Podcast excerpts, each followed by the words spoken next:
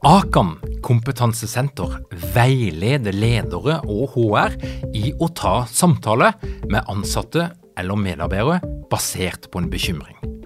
Akan setter ledere og medarbeidere i stand til å forebygge og håndtere en problematisk bruk av alkohol, narkotika, legemidler, spill eller doping blant ansatte.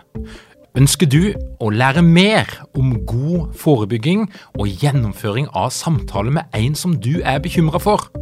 Da kan du nå få tilgang på Akan sitt digitale samtalekurs til spesialpris, kun 760 kroner. Målet med kurset er å gjøre deg tryggere i det som kan være en krevende, men viktig samtale å ta i lederrollen.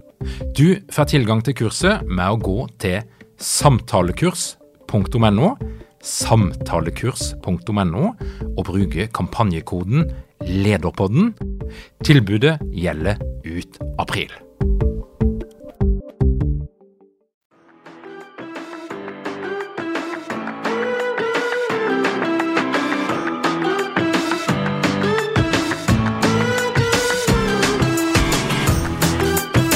Velkommen til Lederpodden. Mitt navn er Tor Åge Eikerapen. Jeg jobber som organisasjonspsykolog. Og dette her er en podkast om ledelse. Er det noe vits for ledere å bruke tid på LinkedIn? Mange gjør det, men hvorfor bør du være der? Og hvorfor bør du eventuelt la være? Og hvordan kan du få mest mulig effekt hvis du en gang har valgt å ha en profil på verdens største nettverk for folk som er interessert i karriere- og jobbrelatert nettverking. I ti år var Fredrik Fornes journalist i Stavanger Aftenblad, før han hoppa over til The Dark Side og ble en av Norges fremste LinkedIn-eksperter og medgründer av Hubify, der han og kollegaene hjelper virksomheter med synlighet. Og i dag skal han dele alle sine hemmeligheter om hva som skal til for at du kan bli helt sjef på LinkedIn. Og jeg skal få høre hva som er bra og dårlig med min egen profil. Men først skal du få et par ord fra Ellen Holt, tidligere deltaker på lederprogrammet, som i dag jobber som leder i Sveko. Ellen, var det verdt det? Ja, det er skikkelig kult, faktisk. For den følelsen sitter jeg Det er så eh, tydelig for meg at det her angrer jeg ikke én krone på. Så jeg kjørte jo full pakke. Ambisiøs og personlighetstest og alle moduler. Og jeg har hatt så god nytte av det. Jeg jobber jo med mennesker. Eh, masse mennesker. For jeg jobber også parallelt i mange prosjekter og dealer mye med mellommenneskelige ting og tang. Så jeg har fått veldig mye av eh, lederprogrammet i form av konkrete verktøy. Og jeg satte også veldig pris på de breakout roomsene, hvor jeg fikk eh, på en måte kjørt meg litt da, i kleine situasjoner med andre. Hvor man også får For det første så får du brukt den kunnskapen du akkurat har fått tilegna deg, i praksis med andre, og så får du tilbakemelding med en gang. Litt sånn Kan kanskje ordlegge deg annerledes, eller eh, hvordan, hva tenker du om hvordan mottakeren tok dette. det har vært så gull, for du har fått trent deg. Jeg har også tatt fram liksom kleine situasjoner som jeg ikke har villet snakke om. Og så har jeg tatt det da i breakout rooms og i læringsgruppe. Så jeg har virkelig lært uh, mye om det. Og for min del så handla det jo også om å få en litt sånn uh, å få en litt uh, kunnskapsgrunnvoll da, for ledelsesfaget. Og jeg har fått nyvunnen respekt for at ledelse faktisk er et fag. At det er veldig mange ferdigheter som man kan lære seg. Og som vi har hørt også fram til nå, at det altså er veldig viktig å øve.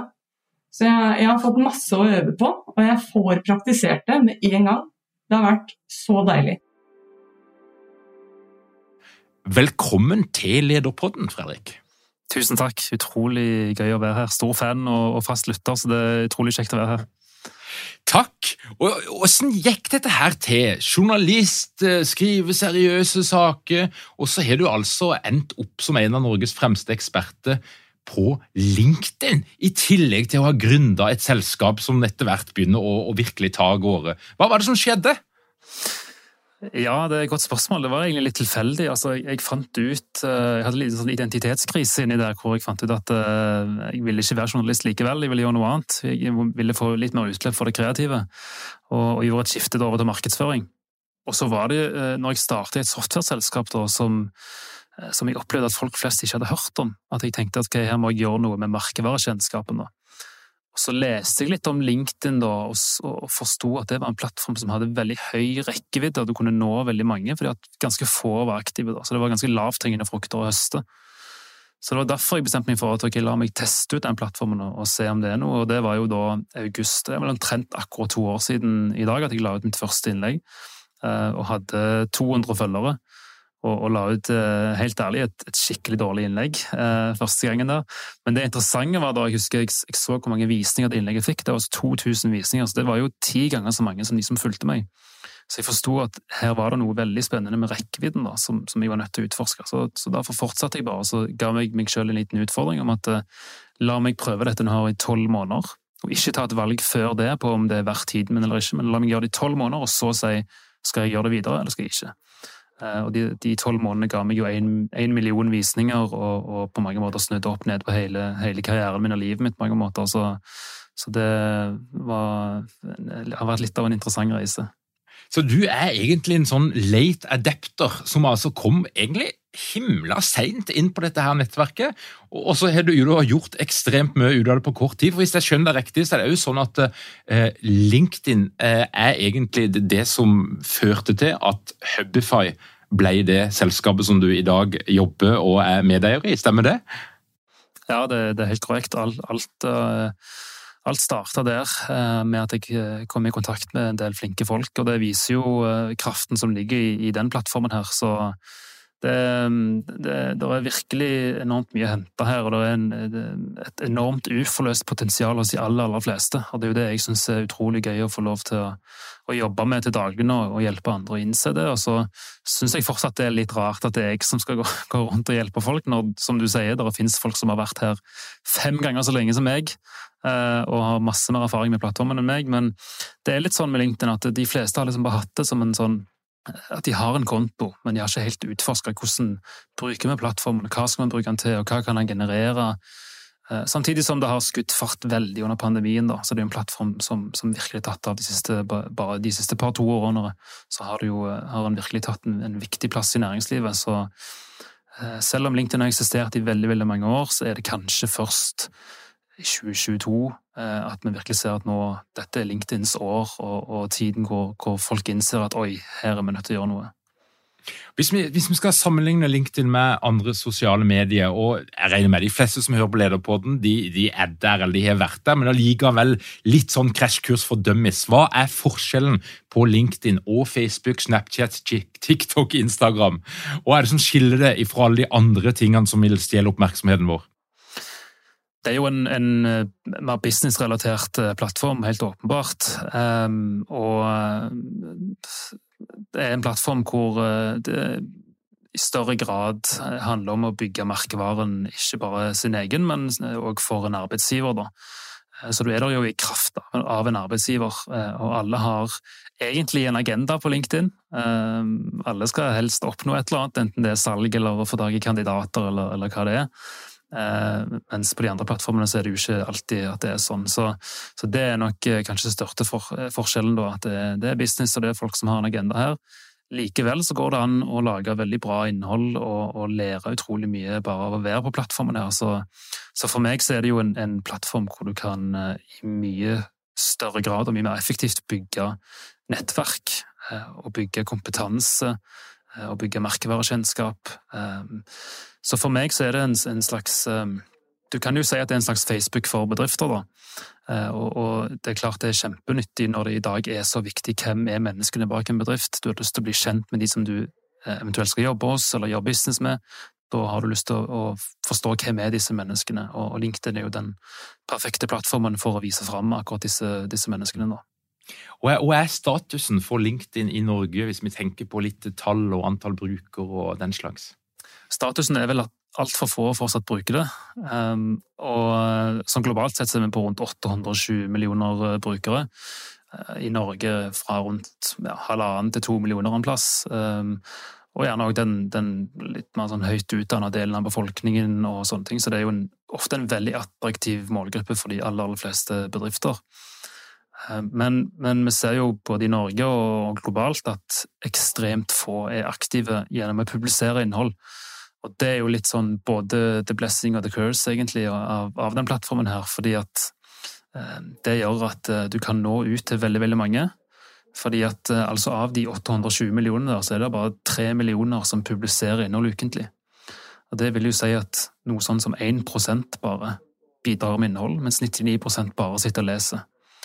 Og det er klart, Den ene prosenten der får jo da en rekkevidde uh, ut av en annen verden. Det er derfor jeg sier at de tallene som jeg har oppnådd, sier egentlig ikke så mye om meg, men utrolig mye om LinkedIn. Det å få, Nå har jeg fem millioner visninger på to år det er fordi at LinkedIn er på det stedet som de er nå, men det er ikke så mye annet innhold å vise. Da er det ganske enkelt å bli synlig der inne. Mm. Og hvis vi da tenker på ledere, uansett om du er i en privat virksomhet eller i en offentlig virksomhet, hvorfor bør egentlig ledere være på LinkedIn, eller, eller bør de egentlig det? jeg mener de omtrent må være aktive på LinkedIn, uansett om det er snakk om at du leder null eller hundre ansatte. For, for, for meg så er dette plassen for å kommunisere hva du står for, da, og formidle dine tanker om hva som skjer i bransjen, om, om arbeidskultur, om ledelse, om rekruttering. Og så syns jeg det er viktig her å huske på at effekten er egentlig todelt. Fordi at som leder som er aktiv på LinkedIn, så gir du et ansikt utad eksternt til eksempel folk som har lyst å jobbe for dere, eller som har lyst til å gjøre business med dere. Eh, men det som ikke mange tenker over, er at den interne effekten er kanskje vel så viktig. At når du som leder publiserer innlegg på LinkedIn, så kommuniserer du vel så mye til ditt eget team. Eh, fordi at de ansatte vil lese postene dine. De vil se en leder som, som går foran, og som, som skaper stolthet og lojalitet og lagfølelse, eh, og som ikke minst motiverer andre til å gjøre det samme og gå etter og faktisk promotere selskapet sjøl på LinkedIn. Um, og, vi ser jo internasjonalt at flere og flere ledere, toppledere i enorme selskaper, uh, begynner å bli aktive på LinkedIn og ser at dette, vi kan ikke ignorere den plattformen lenger, vi, er nødt til å hive oss på. Og det funker ikke lenger å bare dytte markedsavdelingen foran og si at dere må være aktive, eller selgerne dere må være aktive. Lederen må faktisk ta ansvar og, og, og være med å dra det lasset der sjøl. Eh, men eh, likevel så ser vi Jeg syns vi ser altfor få ledere i Norge som, som bruker plattformen eh, på, på, en god måte. Du har, du har Nicolai Tangen, du har Jan Erik Skjerpeseth i, i Sparebanken Vest, men, men ellers er det, så er det ganske skralt, altså, syns jeg, blant, blant ledere. Så, så der jeg tenker jeg det er masse posisjoner å bare ta. og skal du i 2022, i det markedet som er nå, klare å skille deg ut, tiltrekke deg talenter, holde på de beste folkene, eh, bli sett på som best i klassen, eh, og ikke minst kommunisere med, med både, både, kunder og partnere, ansatte og alt mulig på en effektiv måte, da, så, så tenker jeg at det begynner fra toppen og ned, og da må, da må CEO-en òg faktisk ta et ansvar og, og, være aktiv, eller i hvert fall være til stede eh, med, med, en bra profil. La oss begynne der med en bra profil, i hvert fall, for allerede der skorter det jo veldig hos veldig mange. Og da er jo det neste spørsmålet hva er en god profil? Og Da kan du faktisk bruke min som et utgangspunkt, hva som funker bra og dårlig. For jeg har bedt deg i forkant gjøre en liten hjemmelekse. Gå inn på min profil, og, og hva funker bra? Hva er det som kan bli mye bedre? Ja, og dette er kjempeinteressant, for eh, de fleste har fryktelig fryktelig dårlige profiler. Um, og, og, de har ikke tenkt over uh, hvordan den ser ut. Det er litt interessant, fordi at googler du ditt eget navn, så er LinkedIn-profilen altså plass nummer én eller to på Google. Og folk vil google dere, i hvert fall ledere, når det er snakk om både kunder og kandidater. De vil søke opp hvem er dette. Uh, og ditt digitale førsteinntrykk er i denne profilen. Og det er klart, hvis den er dårlig, så er det dårlig førsteinntrykk. Så, så, jeg mener det er viktig å tenke litt over hvordan den ser ut. og, og kanskje største forskjellen, og det syns jeg du har klart, med, med, å ikke bare tenke på det som en, som en CV. Det er mye mer enn en, enn en, CV. Det er egentlig et slags eh, som jeg sier, førsteinntrykk, eller butikkvindu ditt, om du, om du vil. da. Eh, så her du skal overbevise folk om at du er en, en, en flink person, og at, kan, eh, at, de bygger tillit til deg. da. Så, men allikevel, når du går om på en profil, så har vi dette bannerbildet i toppen, som er det første som du ser. Og her er altfor mange har ikke lasta opp et bilde der, så det er bare en sånn grå silhuett. så Du ser det til og med blant mange ledere. Og det tenker jeg det er nesten litt som å hilse på folk uten bukse. Det er ganske dårlig, dårlig førsteinntrykk. Der har jo du lasta opp noe, men jeg har notert meg her, for her har du et bilde av noen ansikter, og så står det oppstart 20.9.2022 i toppen der. Men for meg som kommer utenfra, så aner ikke jeg hva er det det er oppstart på. Eh, sant? Så her er det sånn å være veldig konkret og bruke den plassen. Dette er altså den mest synlige plassen på profilen. Så bruk den til å få fram logoen eller få fram et budskap. Vi har gjerne en tekst, men fortell oss sånn at vi bare kan se på den. Eh, hva, er det, hva, er det, vi ser her, da? Um, og profilbilde òg. Altså noe så enkelt som profilbilde er det veldig veldig mange som, som uh, enten har et supergammelt bilde fra uh, Jeg ser folk som har typ fra Mallorca-ferien i 2008, liksom. Altså, det ser ikke bra ut. Um, og veldig mange òg har veldig langt ifra, altså de har zoomet veldig ut. Uh, og det er jo en sånn superenkel ting. Bare zoom inn på ansiktet ditt, for det er ansiktet ditt vi har lyst til å se og vi har lyst til å gjenkjenne. Og, og profilbildene blir òg veldig små rundt forbi på plattformen. Så bare det å zoome inn så mye at du nesten blir litt ukomfortabel, det skal liksom fylle omtrent 90% av rammen, dette bildet, eh, og ha ikke minst øyekontakt og smil, det er tillitsvekkende. Du leverer jo på den siste, men, eh, men fortsatt ditt er litt sånn, ikke helt midtstilt, jeg ville zoomet litt mer inn, så det er sånne små detaljer. Eh, og jeg er jo litt sånn detaljnerd òg, og jeg har lest blant annet at hvis du tilter profilbildet bitte litt til siden, så oppleves du altså mer empatisk enn hvis du har det helt beint. Så det er sånne småting, da, men det er psykologiske grep rett og slett som, som kan ha en, en ørliten forskjell. Jeg skriver som bare det nå, for nå tar jeg notat. Jeg, jeg tar dette her som en sånn gratis eh, rådgivningstime. Nydelig. Bare kjør på! uh, og så har vi jo overskriften under navnet, og, og, den har jo de fleste bare stillingstittel i firmanavnet. og Der har jo du vært god, du har forklart oss, og det syns jeg mange flere bør bør bli bedre på. Forklare oss i den overskriften hva er det du gjør for noe, hva kan du løse for meg, ehm, sånn at jeg forstår bare med å lese denne, hva, hva kan du tilby meg. Eh, og Denne her er veldig søkbar, sånn at eh, tenk nøkkelord her. Tenk ting som folk gjerne eh, vil søke på, da. Og, få det med i overskriften. Og Der syns jeg du har gjort en, har gjort en god jobb. Det, men det, det, gjelder det for, for en ting er oss som, som, er litt sånn ute i markedet og som driver vår egen virksomhet og selger oss sjøl, mer eller mindre. Det tror jeg vi gjør begge to. Mm. Eh, men, men, for folk som er ansatt et sted eh, eh og har en fast jobb, og, og er det like relevant? Altså, kan de risikere å framstå som jobbsøker når de egentlig ikke er det? Er det noen, er det noen feller der? Hva tenker du? Jeg, tenker ikke det. Jeg tenker, um, det handler ikke om at du nødvendigvis skal selge noe, det handler bare om å gjøre det forstått. altså Hva er det du driver med? For uh, Jeg ser av og til folk som eksempel er Key Account Manager i Olsen og Sønner AS. Uh, og for meg så altså det, Jeg aner ikke hva du driver med. Jeg har ikke peiling. Så du er nødt til å forklare meg hva er det du gjør da. Um, og, og, igjen, det handler om merkevarebygging, og, og ikke at du nødvendigvis skal, skal, få deg ny jobb. Du skal bygge merkevaren til, til din arbeidsgiver, og da, er det en bra ting å fortelle folk hva det faktisk dere løser, hva det du gjør. Uh, og ikke minst få med de nøkkelordene, sånn at du blir synlig da, i de søkeresultatene som, som folk uh, søker etter. Så, så, den tenker jeg uh, uansett forklarer folk hva du faktisk gjør. da. Um, og så, så, er det sånne enkle ting med at altså, gå inn på din kontaktinformasjon og så bare se at eksempel det er din eh, det er din e-post som ligger der, altså din bedrifts-e-post. For her er det veldig mange som f.eks. ligger inne med sin private e-post, eller så har de til og med tidligere arbeidsgivere, altså de ikke har oppdatert e-posten sin. Og det ser jo ikke bra ut når folk skal, skal ta kontakt at det ikke er bedrifts-e-posten. Men det har du fiksa, så det er jo kjempebra. Det er ikke lenge siden jeg oppdaterte den, skal jeg love deg. Nei, okay. um, og så har vi jo altså, der, der er mange forskjellige uh, funksjoner. Du har denne her profilerte feltet, hvor du kan stille ut LinkedIn liksom har gjort det bra, eller eksterne lenker og sånn. og Det er jo bare funksjoner som det bare er å bruke, for det igjen gjør det beriker profilen din. da. Den har jo du brukt og fulgt masse fine innlegg, så det, det er kjempebra. Og så kanskje den vanskeligste som, som, alle sliter med, det er omteksten. Det å skrive om seg sjøl, det er jo fryktelig vanskelig. Eh, og jeg tror fortsatt at jeg har til gode, etter to år nå som er rimelig aktiv på den plattformen, å gå inn på en profil og tenke dette var en bra omtekst. Som regel er de fryktelig dårlige. Som regel er de kun en oppsummering av CV-en. Og CV-en din kan jeg se rett under, så jeg trenger ikke at du oppsummerer CV-en min en gang til. Så den teksten handler liksom om, å, om å fortelle litt mer om hvem er du, hva gjør du, hva brenner du for, hva er du som person, hva verdier har du? La meg bli litt kjent med deg, da. Um, så, og, og, ikke minst det som veldig mange glemmer, uh, i hvert fall de som eksempel skal drive med salg, da, det er at du bør alltid avslutte denne teksten med en call to action. Altså hva vil du vi skal gjøre nå? Uh, etter at vi har vært på profilen din og vi har sett det, fine bannerbildet ditt, vi har forstått hva du driver med, vi, føler vi forstår litt hvem du er som person. Ok, men hva vil du vi skal gjøre, hvordan tar vi dette videre? Er det at vi skal bestøke nettsiden, skal vi ringe deg, skal vi sende en e-post osv.? Og den bør være ganske konkret. Uh, og det er den jo ikke hos deg, syns jeg.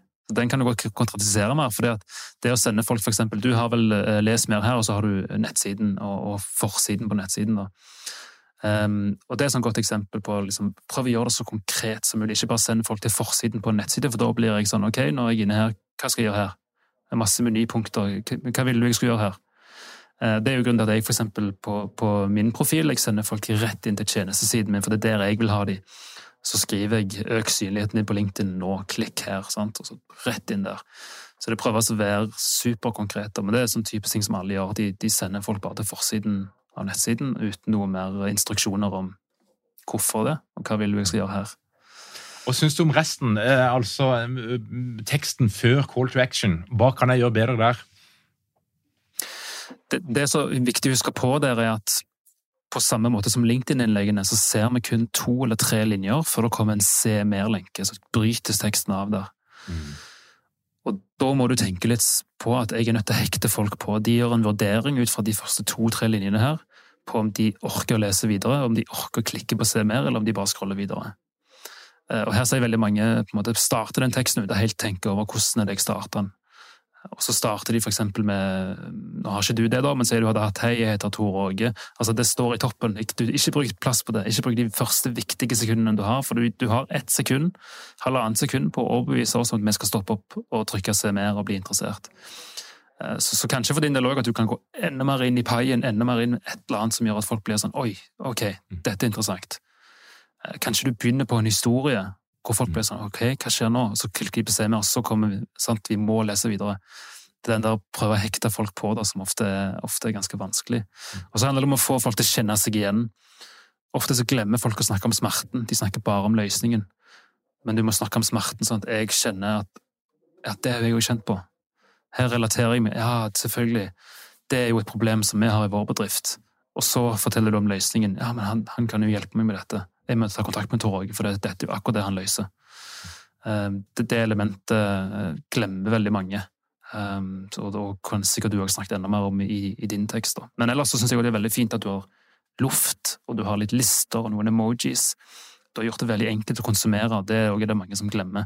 De skriver bare teksten, og så tenker de ikke over at uh, folk kommer ikke til å lese den teksten, for dette ser ut som en murstein av tekst. Mm. Altså, vi, vi skumleser, vi, vi travler. Eh, vi vil, det, vi vil, ha det superenkelt servert, eh, og der har du klart med å tenke jeg må ha luft, jeg må ha noen punktlister, eh, og, og gjøre det innbydende å lese det, da. Mm.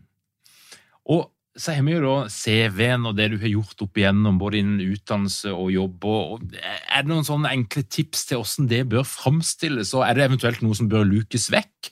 Altså, Bør jeg ha med at jeg jobba eh, på McDonald's Sørlandssenteret i flere år eh, før jeg flytta fra byen og til Stavanger? Ja, Det tenker jeg nesten eh, folk må gjøre en vurdering på om det er relevant eller ikke. Jeg har da ikke med mine seks måneder i Burger King når jeg var 16, de har jeg tatt bort. Eh, for jeg tenker det er ikke så veldig relevant, men, men, det er klart, eh, tenker du det er relevant på et eller annet vis, så, for all del ta det med. Jeg tror ikke det skader noe i det hele tatt eh, å ta det med. Men her er det egentlig bare å tenke at skriv litt om, om hva du gjorde de ulike plassene. Få med hvilke ferdigheter du brukte. Nå kan du jo knytte dette ferdighetsfeltet opp mot CV-en, så du kan vise hvilke ferdigheter du brukte i de ulike stillingene. Og så rydd opp og sjekk bare at alle arbeidsgiveren her er knyttet opp mot riktige sider. For av og til er det folk som f.eks. for eksempel skriver Hvis jeg hadde skrevet Hubify, da, så har jeg ikke klikket på den rette bedriftssiden, så får du bare sånn grå silhuett. Eh, og så er ikke den koblet opp mot siden, så får du masse sånne grå bokser ned, ned igjennom. Så bare sjekk det at de er koblet opp. Og så er det det som ikke mange vet om, det er at du kan, du, du kan faktisk krydre CV-en din med medier, vil si lenker og bilder.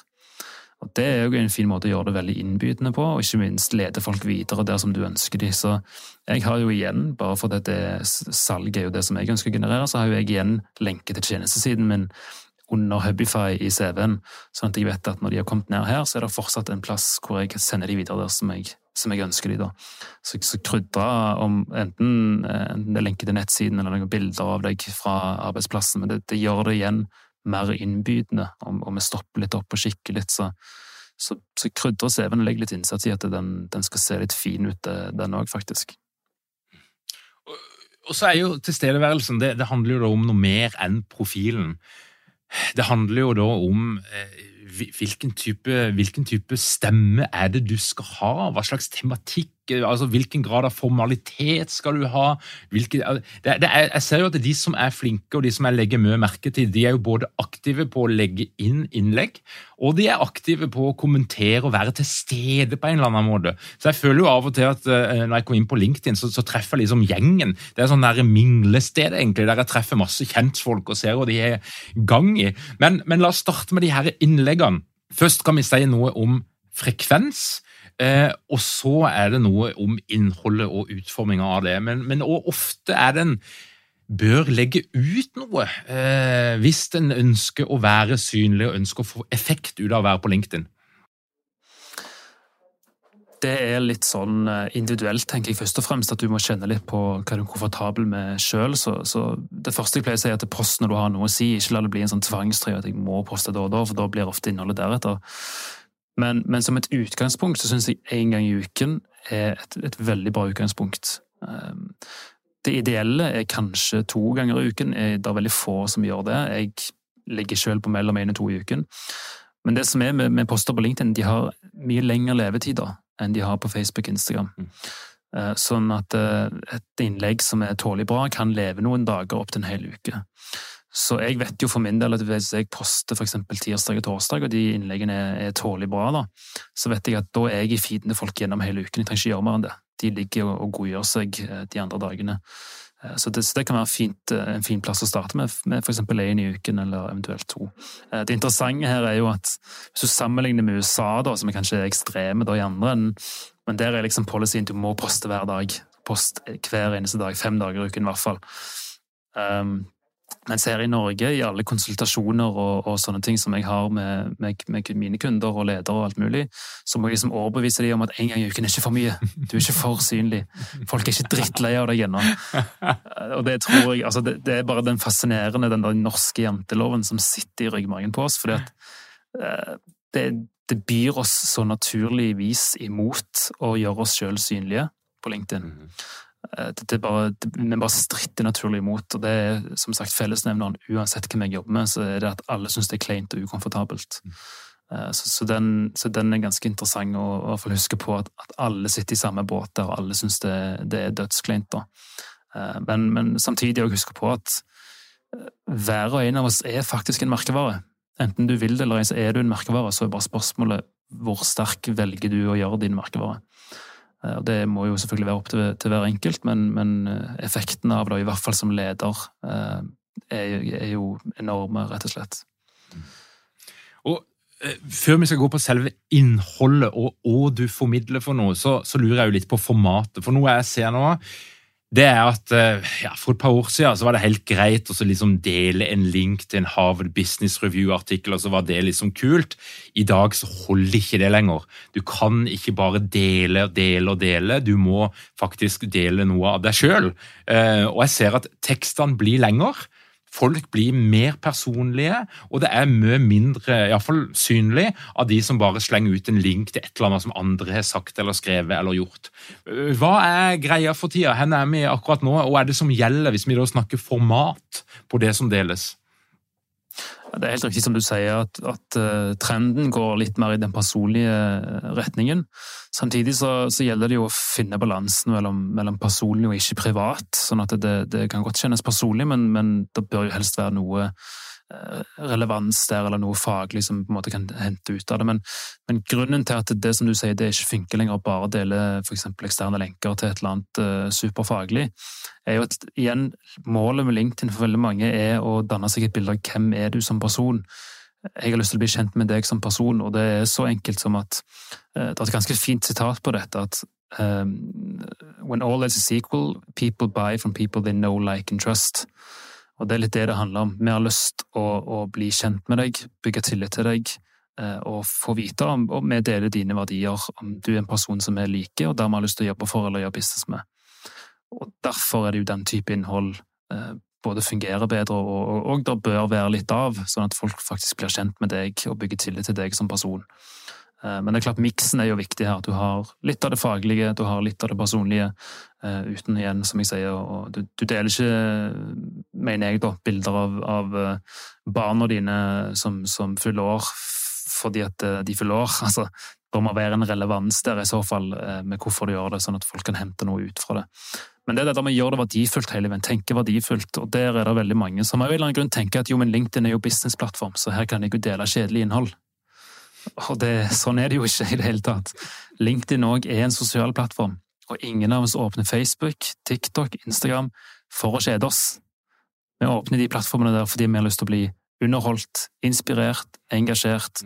Det samme er det med LinkedIn, selv om det er en agenda der, selv om eh, som sagt alle har et mål med innholdet sitt så er det fortsatt en plattform som vi åpner fordi vi har lyst til å bli inspirert, engasjert, underholdt osv.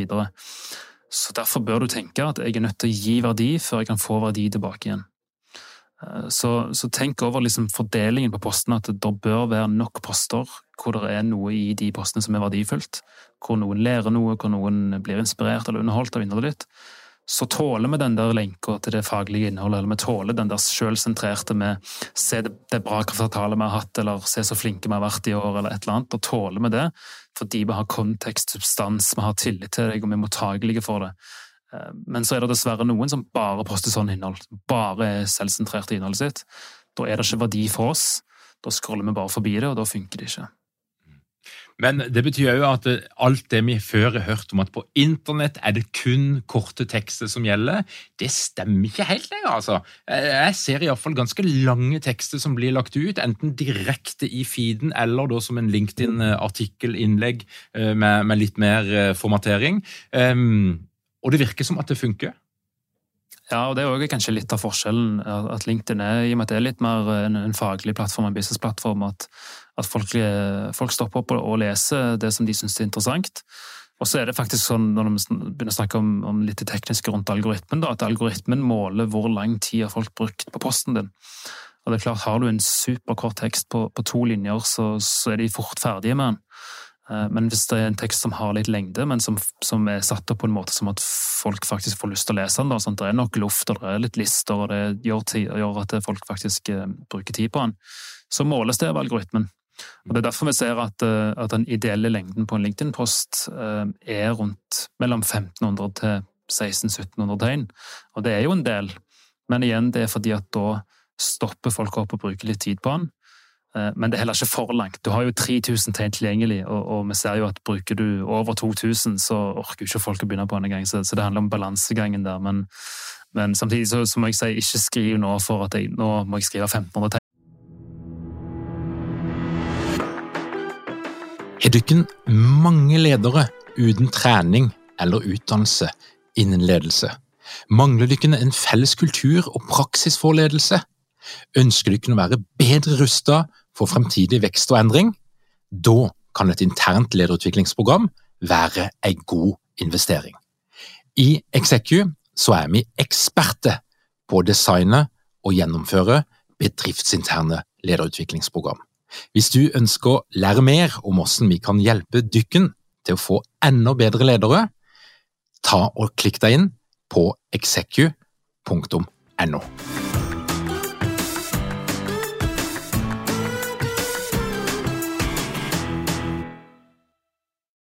for det sa Fredrik var lurt.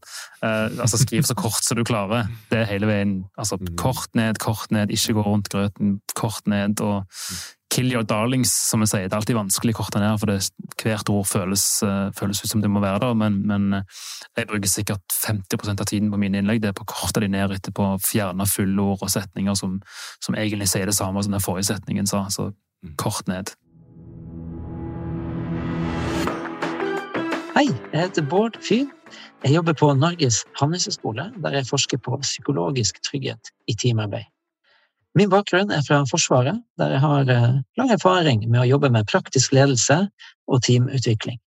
Nå brenner jeg for å gjøre forskninga praktisk tilgjengelig, forståelig og anvendbar. Til høsten skal jeg delta på lederprogrammet. Det gleder jeg meg til, og jeg håper å se deg der.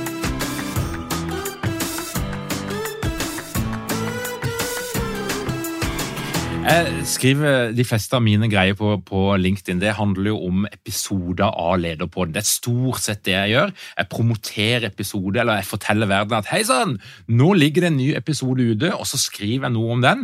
Ofte gjenger det veldig kjapt. Det skjer på mobilen, sånn i, en, liksom i, på vei til hytta nesten, eller hva det måtte være. Jeg bruker altfor lite tid på det. Men, men, er det noe jeg bør gjøre bedre hvis jeg ønsker å få ut de her episodene enda mer, eller at flere skal interessere seg for det? Er det noe du ser at det, dette her kan du jekke opp litt? Grann? Jeg tror kanskje det der med å Nå har jeg ikke sett alle de innleggene dine, men, men tanken er altså hele veien gjør det verdifullt. altså Posten alene, at den er verdifull i seg selv. For, for veldig mange, f.eks. dette med å dele eksterne lenker, eller for det er det for så vidt du, du gjør her, du vil lede de bort fra plattformen, egentlig. Og det er jo noe som, som algoritmen helst ikke vil. at De vil jo holde folk på plattformen. Eh, og Det er derfor vi ser at eksterne lenker, alle poster som har eksterne lenker, gjør det dårligere enn de som ikke har det. Og, og, egentlig er ikke det algoritmen heller, det er egentlig bare menneskeskapt. For når vi klikker på den lenken, så blir vi jo sendt vekk. Og da er vi ikke på LinkedIn lenger for å kunne engasjere oss i innholdet. Det er jo det som skaper rekkevidde, at folk liker å kommentere på det. Så jeg pleier å si at um, kan du unngå eksterne lenker, så skal du unngå de. Men klart når du skal dele en episode, så, så bør du jo selvfølgelig ha den med, for det er jo hele poenget. Men ha i så fall nok substans, nok innhold i den posten alene til at vi kan reagere på posten og kommentere på den ut fra det vi leser. da. Eh, sånn at du f.eks. trekker ut fem ting som du, som du, sitter igjen med etter den episoden her, eller den episoden her, eller eh, Når jeg delte min første stillingsannonse, som er en ekstern lenke, så istedenfor bare å dele stillingsannonsen og skrive når, når jeg søker folk, søk her, så er det relevant for kun de som er på jobbjakt, og ingen andre. Istedenfor så lager vi et bilde av meg sjøl og Så fortalte jeg om min reise som gründer og, og, og hvordan dette starta, og at nå hadde det vært litt mange lange kvelder eh, på nettene og så videre med jobbing, og nå trenger jeg hjelp og, og sånn. Og så Det var liksom en historie der som gjorde at folk reagerte på innlegget basert på det, som gjorde at jeg fikk masse respons. 100 eh, 000 visninger på det innlegget der. Og så lå jeg i bunnen der så lå eh, lenken til stillingsannonsen hvor det sto hvis du er interessert i å søke, så kan du klikke her. Men det er jo for de spesielt interesserte. Men som sagt, nok substans, nok innhold i posten til at folk faktisk reagerte på den bare basert på det. da, Så fikk jeg 50 søkere, og, og trengte ikke engang å annonsere den stillingen på Finn. Det holdt med det ene organiske innlegget der. Så tenk hele veien at eh, skal jeg poste et blogginnlegg, med, altså lenke til det, så oppsummerer i hvert fall nok til at vi kan forme essensen, da, og, og muligens reagere på det inne på LinkedIn, sånn at du får rekkevidde. Og da er vi jo på innholdsdelen. Er det noen sånn er det noen sånne typiske tabber som folk gjør når de skriver innlegg? Altså Jeg har for lagt merke til at noen skriver da 'jeg søker', eh, mens andre er opptatt av at hvis du jobber i en virksomhet, så er det alltid 'vi' som søker. Det er liksom et sånn valg å ta. Eh, du sa litt i stad om at noen kan bli for selvopptatte, for skrytende. Og hvis du bare er det, så, så syns vi vel på lik linje som andre sosiale arenaer, at, at, den personen kanskje blir litt usympatisk, eller det, det, handler litt for mye om deg og litt for lite om meg. Men, men eh, er det noe generelt å si om dette her? Hva, hva slags innhold og stemme er det som funker? Dette er jo veldig interessant, for det var nettopp et innlegg som gikk viralt på LinkedIn, som ble en sånn enorm diskusjon. Det var en CEO som hadde lagt ut et bilde av seg sjøl hvor han satt og gråt. Eh, og teksten var altså at dette var noe av det vanskeligste han kom til å dele noensinne, og det var at, det at han hadde, eh, hadde måttet sagt opp noen av sine ansatte, og forklarte da hvor tungt det var, og hvor fælt det var for han.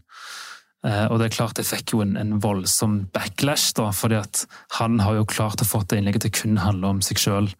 Og, og du, du, tenker jo at ok, her gjør du kun dette for å, for å melke rekkevidde og, og likes og kommentarer ut fra noe som var en ganske vond situasjon for noen andre.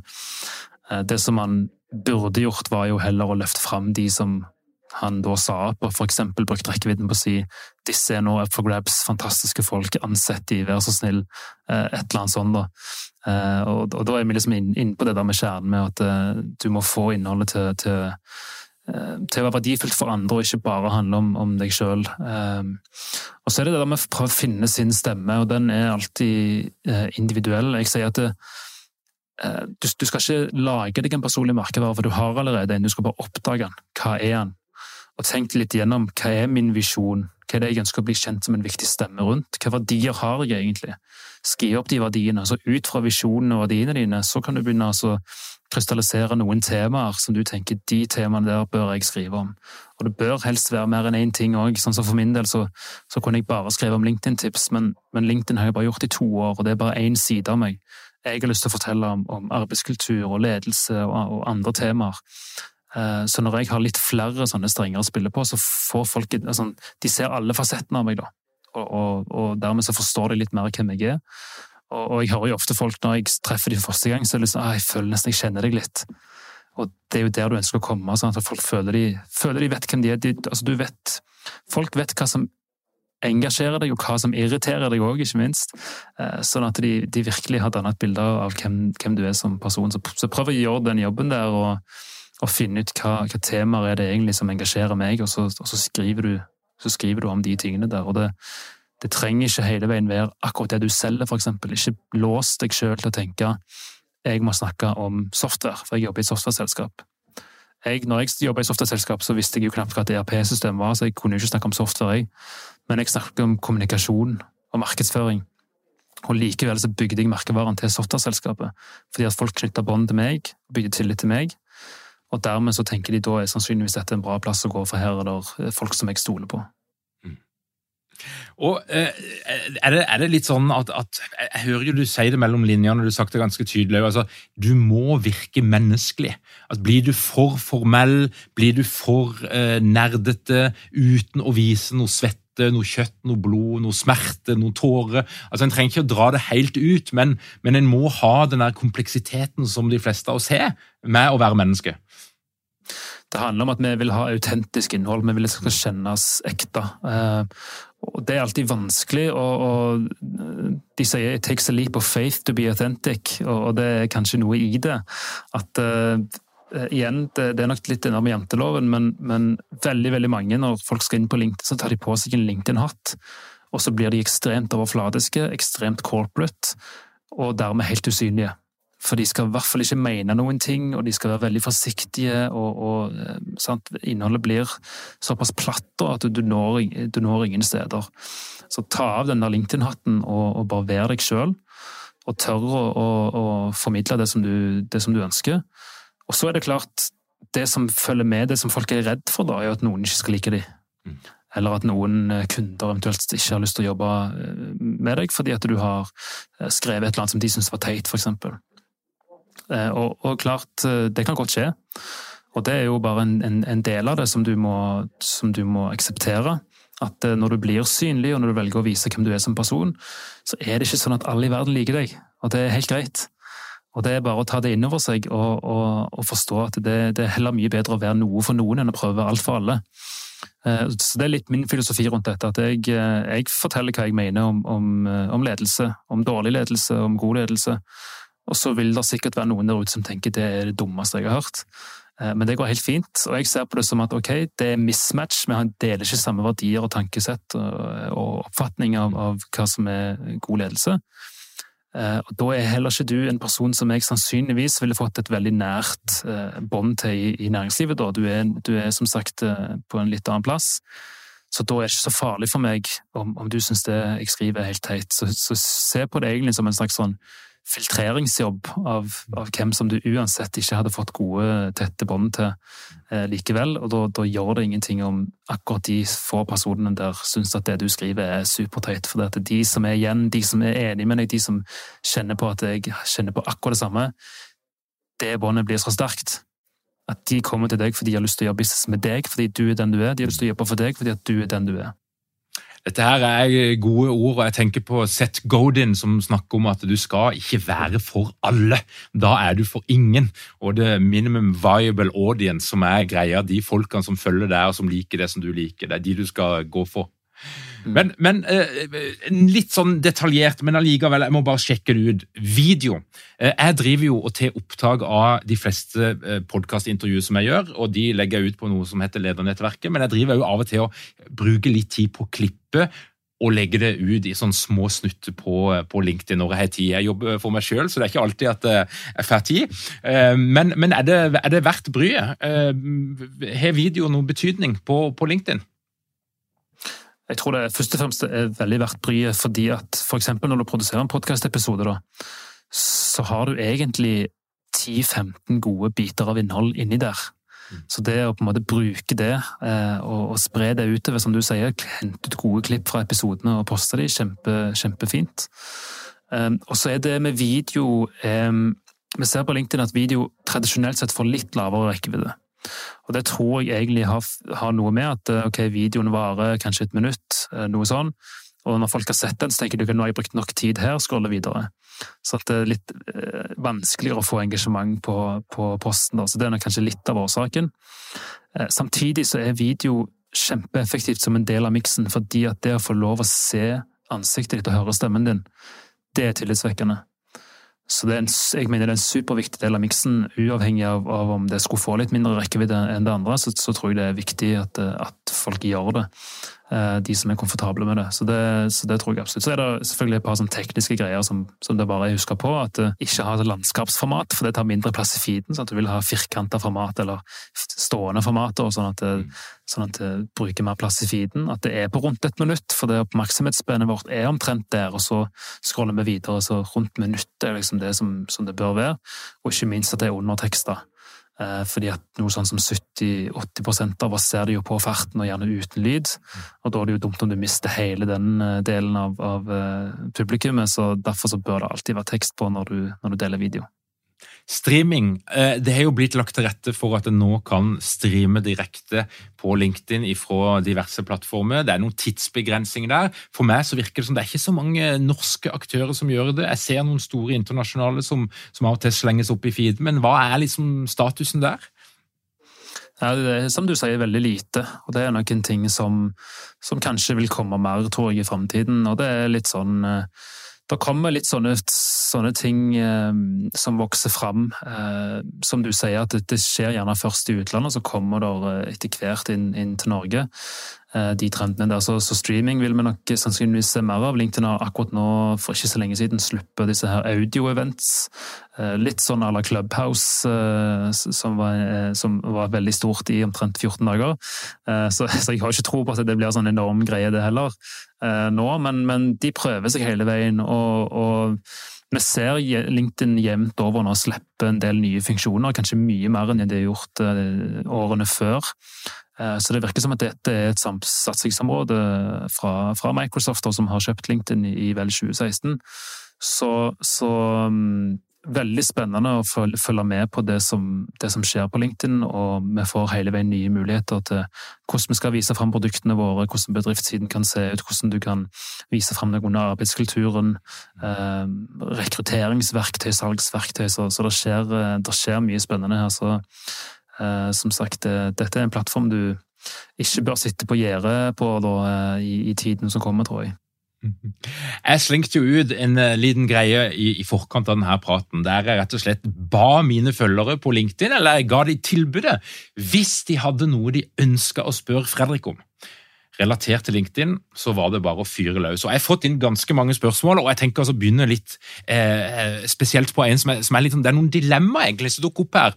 Og dette her Spørsmålet som en lytter har stilt oss, det er altså hvordan funker dette med at man på egen profil sier at man er open to work? Og at kun de med headhunter-profil kan se det. Kan ens egen arbeidsgiver bare etablere seg med headhunter-profil, og dermed se at de ansatte egentlig er open to work og på vei ut og illojale, og hva du måtte kalle det?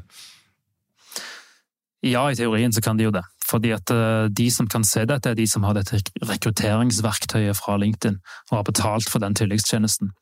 Så sånn sett så kan enten noen i organisasjonen som har den, kan se det, eller om at noen får nyss i det da via andre som har det verktøyet, og sier at du, jeg ser de ligger inne som, som open to works. Det, det er absolutt eh, Kan jo være en, en risiko, men, eh, Men igjen så, så, tenker jeg eh, om din arbeidsgiver får vite det og, og behandler deg annerledes, så sier vel det mer om arbeidsgiveren enn, enn det gjør om deg, for å være helt ærlig.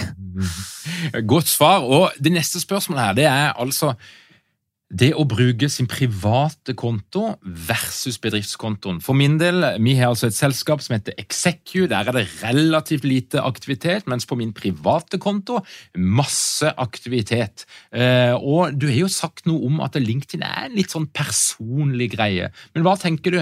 Hvor er det du skal putte fokuset? På den private kontoen eller på bedriftskontoen? Eh, først og fremst så sier jeg alltid ikke si den private konto på LinkedIn, fordi du er ikke privat. Du er personlig, men ikke privat. Det er to vidt forskjellige ting. Privat er du på Facebook. Der kan du ha bilder av barn og kjæledyr osv. På LinkedIn er du personlig, men du er der i kraft av en arbeidsgiver. Og, og, Derfor så kan du ikke si, mener jeg, at, at nei, men dette er min private konto, så arbeidsgiver har ingenting med hvordan den ser ut. Mm. Eh, som sagt, Hvis jeg googler ditt navn og skal i et møte med deg, og jeg ser eh, at profilen er dårlig, så sier jeg ok, hvor jobber du henne? Ok, det er det selskapet, det var et dårlig førsteinntrykk av det selskapet.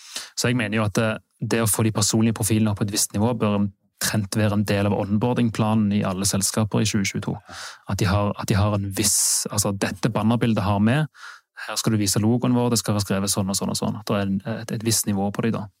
Eh, men det som ikke mange er klar over, det er at innhold fra personlige profiler får åtte ganger mer engasjement, og når i snitt 561% flere enn en bedriftsprofil gjør. Og det er rett og slett fordi at vi har ikke lyst til å kommunisere med firmanavn og logo, vi har lyst til å kommunisere med mennesker. Eh, dette er det som i markedsføringens sammenheng kaller for employer branding, altså bruke de ansatte til å markedsføre selskapet. Eh, så gullet ligger helt åpenbart i de personlige profilene, eh, ikke i bedriftsprofilen alene. Så det er liksom summen av det de ansatte gjør på sine profiler, som egentlig er avgjørende for hvor synlig er selskapet totalt sett. Og da ser jeg at her har vi en potensiell, altså en liten konflikt i, som kan komme opp noen steder. For jeg hører jo at det, eh, hvis det er sånn en tenker i virksomheten, så er jo det noe som bør gjøres kjent allerede i jobbintervjuet, at sånn funker det her. For det er vel en del som tenker at min personlige LinkedIn-profil, den eier jeg, og arbeidsgiver skal ikke drive og blande seg opp i hva jeg gjør der. Ja, det er nok dessverre det, men, men det syns jeg er feil tankegang. Igjen, det med å bygge sin, sin, personlige merkevare, det handler om at du representerer en god ambassadør for arbeidsgiveren din. Mm. Eh, da gjør du deg attraktiv for kunder, fordi vi ser at du er stolt over der du jobber, og, og det er tillitsvekkende. Eh, og eventuelt hvis du er på jobbjakt, eh, så, så er det òg positivt. Og det er jo kanskje noe av årsaken til at en del ledere frykter LinkedIn. Og det har jeg opplevd sjøl, ledere som er skeptiske til at du er synlig som ansatt på LinkedIn, av den enkle årsak at du kan bli plukka opp av andre, mm. fordi folk ser du er flink. Eh, men der mener jeg at altså, risikoen eh, er så mye mindre enn gevinsten, da. Eh, at det blir helt feil tankegang å tenke at jeg kan ikke la mine ansatte være synlige på LinkedIn, fordi at da kommer noen kanskje og ser hvor flinke de er. Mm. Hvis, hvis filosofien din er at jeg skal skjule mine gode folk, og ikke la dem få blomstre, ikke la dem få utfolde seg, ikke la, la dem få lov til å vise hvor flinke de er, hvor stolte de er over hvor de jobber henne, da tror jeg det er oppskriften på å miste de, så tror jeg du mister de uansett. Um, og, så, så, og, I tillegg så tror jeg kanskje det som ikke mange tenker over, at når du har arbeidsgivere, eller arbeidstakere da, som, som, forteller hvor stolt de er av arbeidsplassen sin, så gjør de de kanskje enda vanskeligere å hente. Fordi at rekrutterende ser oi, de har det jo dødsbra der de er. Um, så tenk litt over det òg. Jeg, jeg, jeg, tror eh, folk overtenker, en del ledere overtenker dessverre det der med at eh, mine ansatte kan ikke bli synlige, eh, for da, for da er jeg redd noen, noen blir, blir henta deg. Sammenlignet av til med fotballverden, at har du et fotballag med en dødsgod spiller, så setter du ikke han på benken for du er redd noen skal kjøpe han. Da spiller du han sånn at han kan lage gode resultater, og blir han solgt, så, så er det en del av gamet. Og, og da, hvis du lar han har, har fått lov å ha en fantastisk tid, har fått lov å skinne, så er han en god ambassadør for deg resten av karrieren sin.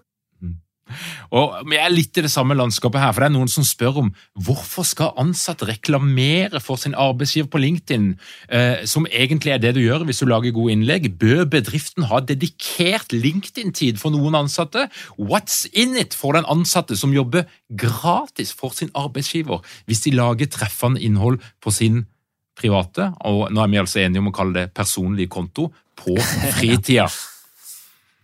Altså, dette er vinn-vinn for begge parter, det er det som er så fint her. fordi at du bygger merkevaren til selskapet, ja, og, og det er jo kjempefint for, for, selskapet. Men det som du òg bygger, det er nettverket ditt. Så du kobler deg til folk her som, som altså du bygger nettverk, og det er nyttig uansett senere i karrieren din. Du bygger kompetansen din, for når du deler innhold, så blir du, altså når du skriver, så blir du flinkere på det du holder på med. for det, du, altså det hjelper din egen selvutvikling.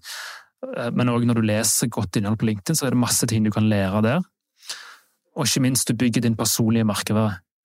Og de tre der, altså nettverket ditt og kompetansen din og din personlige merkevare, de er yours to keep uansett hva som skjer. Så om du mister jobben din i morgen, så vil nettverket ditt, kompetansen din og din personlige merkevare vil følge deg videre. Eh, og på et eller annet tidspunkt så vil du ha behov for din personlige merkevare. Enten det er om du skal konkurrere om en, om en rolle internt i selskapet, eller om, om, det er snakk om at du skal få tak i en, en, annen jobb. Det er klart, Har den andre kandidaten som du konkurrerer med, en sterk personlig merkevare, så står du dårligere, rett og slett. Eh, og det med å, å lage seg selv en sterk personlig merkevare, det er ikke noe du får gjort, ikke noe du får gjort over natten. Så hvis du finner ut at oi, jeg har lyst på den der lederstillingen, Eh, som nå blir lagt ut. Jeg tror kanskje jeg skal bli aktiv på LinkedIn, sånn at eh, om to uker når den kommer ut, så har jeg en sterk personlig merkevare. Altså, sånn virker det ikke. Du er nødt til å gjøre det over tid og begynne allerede nå, selv om du kanskje tenker med deg sjøl at jeg har ikke noe behov for en sterk personlig merkevare akkurat nå. Eh, som sagt, det er vinn-vinn for begge parter. Dette, dette, vil du få behov for og, og vil gagne deg senere i karrieren uansett.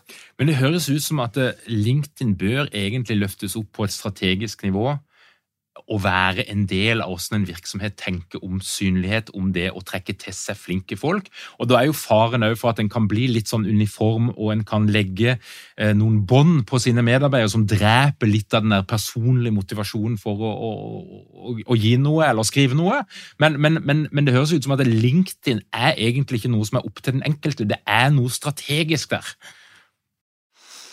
Ja, jeg mener bedrifter bør være tydelige på at vi, vi ønsker at dere skal, er synlige. Vi oppfordrer til at dere bruker tid i arbeidstiden eh, til, å, til, å, være aktive der inne og engasjere dere og publisere eh, eget innhold. Fordi at det er superviktig for oss av mange ulike årsaker. Og kanskje, som du er inne på nå, en av de viktigste nå, i og med at det er så ekstremt vanskelig å få tak i kandidater, da, er jo dette med å gjøre seg attraktiv for arbeidssøkere. Og eh, det er klart, Vi har jo sett disse to årene, de, de kaller det jo for the great reshuffle, sant? som sikkert mange kjenner til. At folk skifter jobber nå i hopetall, for de oppdaget at oi, vi har jo et liv. Og det er jo fint om det livet harmonerer med jobben. Uh, og, og, plutselig så stiller det står helt andre krav til, uh, til arbeidsgivere enn en lønn og stillingstittel alene. Så det folk vurderer nå, er jo uh, blant annet hvem er det som er leder her, og hva type leder er de. Så for eksempel søker de opp lederen eh, på, på Google, og dermed finner LinkedIn-profilen og ser hvem er dette, og hva står vedkommende for. Hva arbeidskultur er der her? Ehm, hva samfunnsansvar tar de? Hva bærekraftsprofil har de? Alle de tingene der er det de nå gjør en vurdering av når de velger eh, hvor de ønsker å jobbe henne. Og den perfekte plassen for å vise de tingene der er jo LinkedIn. At folk kan se gjennom innhold som kjennes autentisk, fordi det er ikke en annonse. Det kommer fra ekte mennesker som jobber der, og de står her og forteller om, om uh, hvor fint de har det på jobben, om de kule tingene de gjør, uh, om, om, kulturen, om uh, de, det samfunnsansvaret som de tar, og, og, hvorfor det er fantastiske jobber der. og Da danner jo folk seg det bildet som gjør at ok, her har jeg lyst til å jobbe. Um, og, og det blir substans i alt, det, alt, de fine ordene som du kan si i en stillingsannonse. så er det faktisk substans i det, for du kan se det igjen i innholdet som, som de ansatte faktisk deler på, på LinkedIn. da. Fredrik, jeg sitter igjen nå med en ganske stor pakke med ei heimelekse her. Jeg har ting å gjøre. altså Jeg skal inn og redigere profilbildet mitt. Det skal bli større, det skal bli midtstilt. Jeg skal ta toppbanner. Nå skal, skal, jeg fortelle hva som egentlig starter den 20. september. Det er selvfølgelig lederprogrammet. Og så må jeg huske på å skrive litt lengre tekster, og også være litt bevisst på at jeg må skrive noen tekster der jeg faktisk ikke linker til eksternt eh, innhold. Eh, og i, eh, akkurat nå så har jeg da um, Hvor mange har jeg? Jeg tror jeg har 5000-6000 følgere. Eh, hva er det smarteste jeg kan gjøre? Jeg har nesten 5747. Eh, og er det smarteste jeg kan gjøre for å komme opp i 10 000? For det syns jeg virker litt kult. Det er også bli, eh, bli en etablert stemme på at det er verdifullt innhold, og, og gjerne ha noe, noe, fast, sånn at folk kjenner at ok, her bør jeg følge, fordi jeg vet at jeg jevnlig får Eh, innhold. Jeg har jo f.eks. i min overskrift så har jeg lovt, og dermed lagt litt ansvar på meg sjøl, at det kommer LinkedIn-tips hver uke. Og da blir det folk sånn ok, de må jo få meg, så da må jeg følge.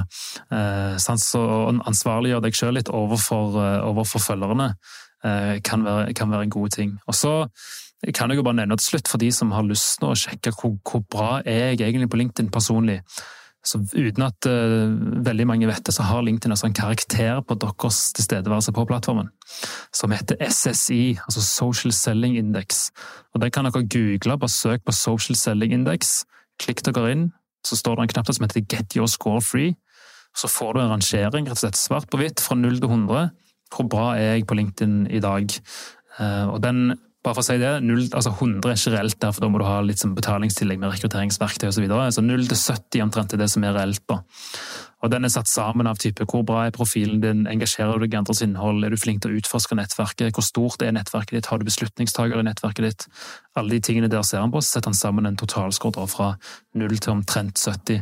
Um, og de aller, aller fleste der, når de logger inn, ser at de ligger på typ 20-30-40, sånn ganske lavt. Um, mens det som vi ønsker nå, der er 65. Rundt 65 er den magiske grensen. Da får du en liten boost av LinkedIn i rekkevidde, og hvor du dukker opp i søkeresultater. LinkedIn sier vel selv at du får noe sånn som 40 større sjanse for å få salg i en av plattformen, hvis du har eh, bikka rundt 65 i, i SSI-score.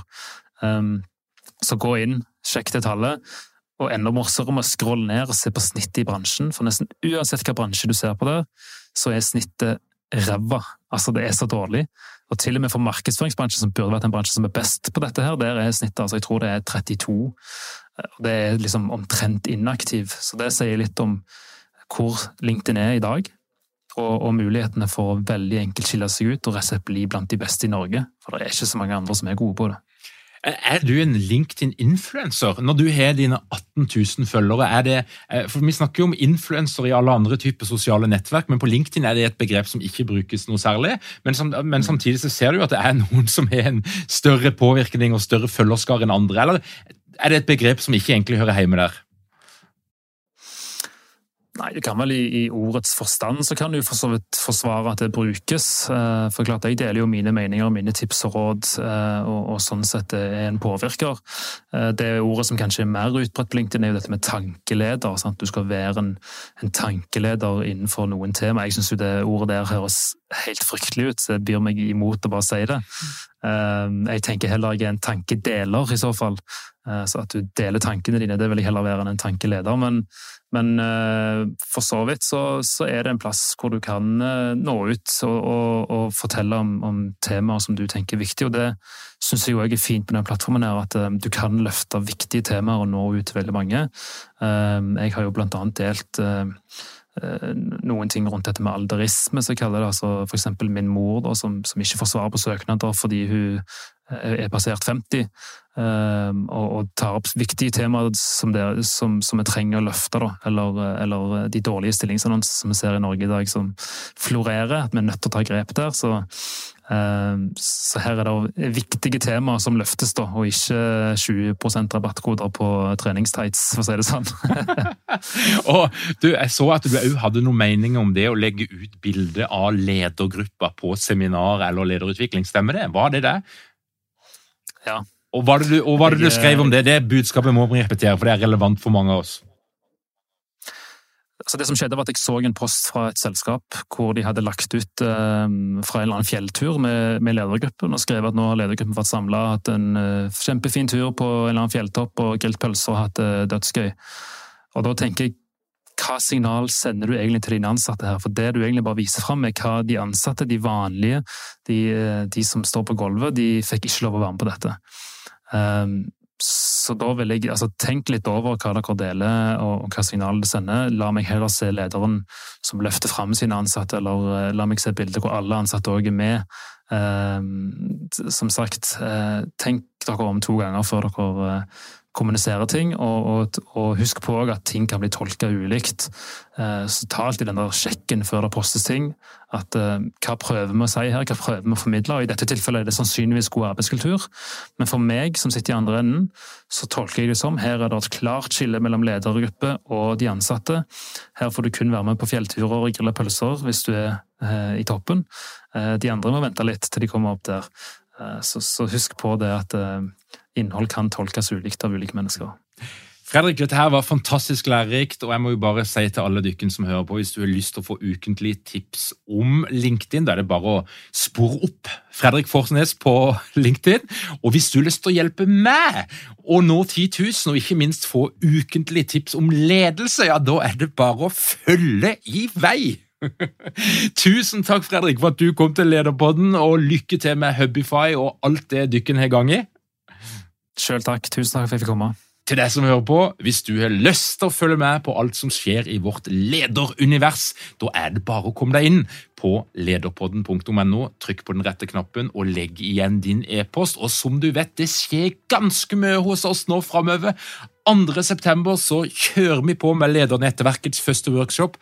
Cecilie Tunem Sonum kommer til oss for å gi deg den beste starten på høsten.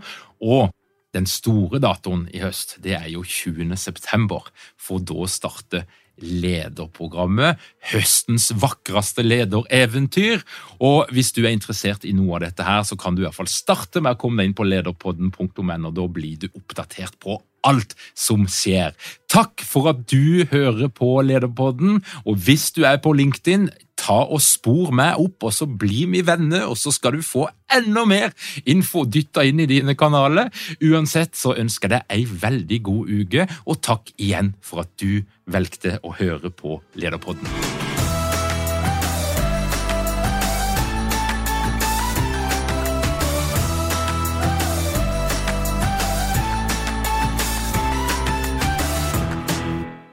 Lederpodden er gitt til deg av Execu. Vi tilbyr leder- og ledergruppeutvikling som gir effekt. Les mer på execu.no.